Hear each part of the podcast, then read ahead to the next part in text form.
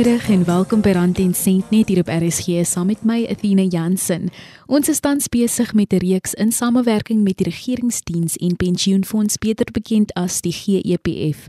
Die afgelope 2 weke het ons oor belasting gesels, as ook jou profiel en die proses daarvan by die GEPF en vandag handel die derde episode oor onopgeëiste voordele. Jy is welkom om jou vrae te stuur na die SMS lyn 45889 teen R1.50 of tweet ons by ZARSG gebruik die hitsmerk rand en sent. Onthou ek saai nie regstreeks uit nie, so ek kan nie onmiddellik antwoord nie, maar ek het 'n hele paar e-posse ontvang wat ek dan aanstuur na die GEPF wat in die loop van hierdie reeks met jou in kontak sal kom. So jy kan my e-pos na athenajansen6@gmail.com. Die GEPF doen 'n beroep op hulle lede om hulle nominasievorms in te vul met die besonderhede van hulle finansiële afhanklikes en enige iemand anders wat hulle wil nomineer om in hulle voordele te deel. Dit is belangrik dat die begunstigdes weet wat om te doen en waarheen om te gaan om te verhoed dat voordele onopgeëis bly. Vandag fokus ons op die pensioenfondswet se definisie van onopgeëiste voordele, faktore wat bydra tot onbetaalde voordele die verhouding van geëis teenoor onopgeëis, die GEPF poging om aktiewe deelname af te dwing, redes vir onopgeëiste voordele, wat die begunstigdes kan doen om die GEPF by te staan en ook baie belangrik wat die WP1002 vorm is. Ons gesels ook oor wat om te doen om wanbetaling te vermy en dan ook hoe lede kan kyk of hulle kwalifiseer vir onopgeëiste voordele. Ons verwelkom graag weer Fabian Crouch, kliëntediensagent by die GEPF wat hierdie vrae gaan beantwoord. Fabian, wat is die pensioenfondswet se definisie van onopgeëiste voordele? Onopgeëiste pensioenvoordele is voordele wat nie uitbetaal is nie vir langer as 24 maande. Dit is na die uittreedatum van die lid as gevolg van bedanking, aftrede of sterfte in diens. Dit gebeur wanneer die nodige dokumentasie nie ontvang is vanaf die werkgewer nie of die dokumentasie was al ontvang by GPF en daar was dalk foto's op die dokumentasie of die dokumentasie was onvolledig en dan stuur GPF dit terug na die werkgewer vir korreksie. As GPF dit terugstuur werkgewer toe dan stuur hulle miskien nie die korrekte dokumente weer terug na GPF toe nie. Of die betaling kan ook nie geskied as gevolg van verskeie ander redes. Byvoorbeeld as die lid bedank het en voor die geld uit kon betaal het, het die lid dan gesterf of ons betaal geld in 'n bankrekening wat gesluit is en dan word die geld teruggekeer na GPF omdat die bankrekening toe is. En ook as begunstigdes nie hulle voordele geëis het nie. En dan ook bydraende lede wat kontrak byvoorbeeld gewees het en hulle het nuwe kontrakte gekry of hulle was permanent aangestel. Maar dan is die nuwe aanstelling nou met 'n nuwe pensioennommer. Dit veral ook met tydelike onderwysers. Dan moet hulle die vorige of tydelike pensioene eis as hulle dit nie eis binne 24 maande nie, dan gaan dit in die onopgeëiste pensioen val. Fabian verduidelik die faktore wat bydra tot onopgeëiste voordele. Dit is byvoorbeeld as die Z894 bankvorm as dit verval het, dan die vorm is net geldig vir 6 maande. Of as die bankvorm nie reg of volledig voltooi is nie. Die lede wie se belastingsaake nie in orde by SARS is nie, uh, vertraag ook die uitbetaling, want dan kan SARS nie 'n belastingvoorskrif of 'n teks direktief uitreik nie. As gevolg van uitstaande belastingopgawes of uh, lede wie nie 'n teks nog wat nie geregistreer is vir teks nie. En dan ook lede of begunstigdes wie se bankrekening gesluit is. Dan stuur die bank nou die geld terug na GPF toe omdat die bankrekening toe is. Fabian, wat is die verhouding tussen opgeëiste en onopgeëiste voordele? Ok, ek het nog nie die verhoudingssyfers nie, maar ek kan wel sê dat GP betaal jaarliks miljoene rande uit aan lede wat bedank het of pensionaarsse wat afgetree het of aan begunstigdes van lede wat gesterf het. Dit is miljoene rande wat hulle in die verslag gee jaarliks. Maar ook in die onopgeëiste fondsrekening is omtrent 760 miljoen rand plus Dis volgens die laaste verslag van Februarie 2022. Dit wil sê die suksesvolle betalings wat gedoen word jaarliks. Dit is meer as die onopgeëiste fondse. Maar die onop onopgeëiste fondse styg ook nog steeds drasties. Wat doen die GEPF om aktiewe deelname vanaf die lede te verseker? Die GEPF het naamlyste bekend gemaak van alle lede en begunstigdes wat onopgeëiste pensioene het wat by staatsdepartemente beskikbaar is en alle GEPF kantore landwyd is die lyste beskikbaar as ook op die GEPF webtuiste. Daar was ook in die laaste paar maande SMS'e en e-posse gestuur aan alle lede en pensionaarsse volgens die kontakbesonderhede wat ons op die stelsel het oor die hoë aantal onopgeëiste fondse in GEPF se koffer en dat mense moet kontak maak om te kyk of hulle fondse het wat nie geëis is nie.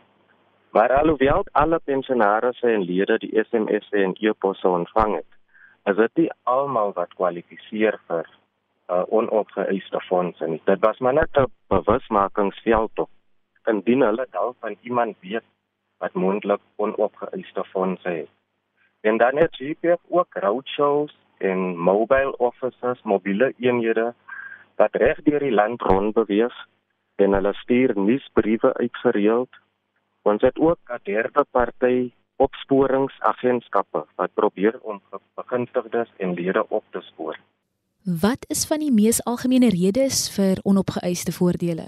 Dit is gewoonlik lede wat uit diens getree het, byvoorbeeld hulle het bedank of afgetree of gesterf het, wie se pensioene nooit geëis het. Uh, lede en begunstigdes wie se kontak besonderhede nie op datum is op ons stelsel nie. Dis is dit moeilik om hulle op te spoor. En dan ook begunstigdes wat minderjarig was toe die GEPF lid gesterf het. En nou is die minderjarige begunstigde volwassene en hy of hy is nog nie bewus dat hy of sy fondse het by die GEPF nie. En soms weet lede ook nie dat hulle onopgeëiste fondse het nie. En dan altyd as dit ook dokumente wat ons ontvang het, dan was dit afgekeur weens onvolledige dokumentasie of inkorrekte dokumentasie. En in sommige gevalle gevalle is dit ook familiedispute met uh, doodseise en dan uitstaande dissiplinêre verhore van lede by die werkgewer. Jy is ingeskakel op RSG saam met my Athena Jansen. Rand en sent word met trots aan jou gebring deur die SABC opvoedkunde in vennootskap met die Regeringsdiens en Pensioenfonds. Verryk denke, verryk lewens. Fabian, wat kan die begunstigdes doen om die GEPF by te staan ten opsigte van die onopgeëiste voordele? Die begunstigdes of die lede, hulle kan enige GEPF kantoor besoek of hulle kan die inbelsentrum skakel op 0800 117 669 of hulle kan 'n e-pos stuur as 'n spesifieke e-posadres ook vir onopgeëiste fondse. Die e-posadres is unclaimed@gpaa.gov.za. Dis unclaimed benefit net met die T sonder die S, nie benefits nie, benefit om inligting te kry oor moontlike onopgeëiste fondse. En op die EPF se webtuiste is die naamlyste ook beskikbaar van persone wat onopgeëiste fondse het. Wat is die WP1002 vorm? OK, dit is 'n baie belangrike vorm. Die WP1002 is die dokument wat die GEPF lid of pensionaris voltooi volgens hul wense om aanduiding te gee aan die GEPF en wie en hoe hul pensioene moet uitbetaal in die geval van hulle sterfte. Indien daar fondse is wat moet geëis word. Een van die grootste uitdagings wat GEPF ervaar, is lede wie se WP1002 vorms nie ingevul is nie of nie op datum is nie. Indien die vorm nie voltooi is of op datum is, vertraag dit die proses om voordele aan die regte begunstigdes te betaal. Want dan moet die EPF nou eers die moontlike begunstigdes opspoor en dan moet hulle nou bepaal of of dat die persoon as wie geregtig is op die pensioen. Fabian, watter inligting kan die begunstigdes verwag om in hierdie vorm te vind? Bo aan op die vorm kom die GEPF bydraende lid of die pensionaris se besonderhede en dan volg deur die begunstigdes wat die lid of pensionaris benoem het onderaan. Die begunstigdes se identiteitsnommer sal daarop verskyn, die adres, Die selfoonnommer, e-posadres, kontakbesonderhede verskyn op die vorm en die persentasie wat vir elke begunstigde toegeken is. En in die geval van 'n minderjarige begunstigde, dan moet die voog van die minderjarige kind se besonderhede ook op die vorm verskyn. Daar moet ook handtekeninge wees van die lid of die pensionaris en twee getuies. Fabian, waar kan hierdie WP1002 vorm verkry word en wat is die betekenis daarvan? Die vorm is beskikbaar by alle GEPF kantore of by die menslike hulpbron kantore van alle staatsdepartemente en ook op die GEPF webwerf kan mense dit kry. En die vorm dien vir GEPF en sy lede as die laaste testament van die lid aangaande sy pensioen uitbetaling volgens die lid se laaste wense in die geval van sy sterfte. So dit dien so te sê amper soos 'n last will testament wat die lid verlang hoe om pensioen opverdeel word en uitbetaal word. Fabien, wanneer die lede klaar hierdie vorm voltooi het, waar word dit ingedien? Die vorms kan ingedien word by die werkgewer se menslike hulpbron afdeling of by enige GEPF kantoor. Ja, maar ons aanvaar net oorspronklike dokumente en geen e-pos of fakse nie. Wat kan begunstigdes doen om wanbetaling of vertraagde betalings te vermy? Die begunstigdes moet so gou as moontlik die werkgewer van die oorlede lid benader om eise in te dien vir die pensioen en seker maak alle dokumente volledig en korrek voltooi met die nodige aanhangsels en identiteitsafskrifte moet gesertifiseer wees en nie langer as 6 maande oud wees nie. Fabien, vir hoe lank word daar van lede verwag om te wag op die uitbetaling na die indiening van die vereiste dokumente? Volgens die reëls van die fonds moet betaling geskied binne 60 werkdae nadat die korrekte dokumente ontvang is deur GEPF. Dis as daar nie 'n vertraging is as gevolg van onvolledige dokumente of onduidelike afskrifte van aanhangsels of identiteitsdokumente wat verval het nie. Indien die prosesering langer as 60 dae neem, sal GEPF rente bybetaal aan die lede. Het die GEPF 'n stelsel in plek waar begunstigdes of lede van die publiek kan kyk of hulle begunstigdes is?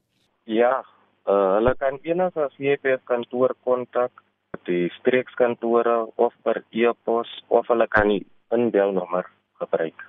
Is daar dalk veldtogte wat die GEPF voer om bewusmaking oor onopgeëiste voordele aan die publiek te kweek?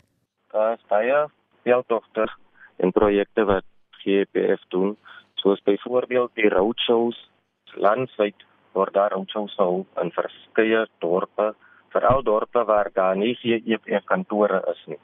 En dieselfde ook so met die mobile offices of die mobiele eenhede wat byvoorbeeld in die dorp waar die streekskantoor is, dan ry hierdie mobiele eenheid elke week uit na die omliggende dorpies in die provinsie en elke provinsie het 'n mobiele eenheid wat elke week uitry na al die buitedorpe wat ver is van die uh, streekkantore en dan uh, eh, GPF het ook die SMS en die e-posse gestuur aan die pensionaars en die lede. En dan hulle stuur ook die nuusbriewe uit per e-pos of by die posadres as die persoon in die e-pos het. Die as ons die adres besonderhede het op ons ja en dan het GP van ons nou die opsporingsmaatskappye wat probeer die begunstigdes opspoor of die lede opspoor wat onopgeëiste fondse het en dan het ons ook die naamlyste wat versprei word en ook op die GP webtuiste beskikbaar is Jy is ingeskakel op RSG saam met my Athena Jansen. Rand en sent word met trots aan jou gebring deur die SABC Opvoedkunde in vennootskap met die Regeringsdiens en Pensioenfonds. Verryk denke, verryk lewens. Fabian, as die geld vir ewig onopgeëis bly, waarheen gaan hierdie geld? Dit bly in die onopgeëiste rekening totdat die lede of die pensionaars of die begunstigdes dit opeis. Dit gaan nêrens, dit bly net in hy fondse. En dis waarom van daardie uh, onopgeëiste fondse vanaf die 1980s, 1990s. Daarom groei die rekening so hoog van die geld bly net daar. En mense wat dan daarvoor kom om hulle onopgeëiste fondse, dan kry hulle dit uit dieselfde fonds uit waar dit al die jare gelê het. Fabian, sal jy weer met die lede deel hoe hulle kan kyk of hulle kwalifiseer vir onopgeëiste voordele?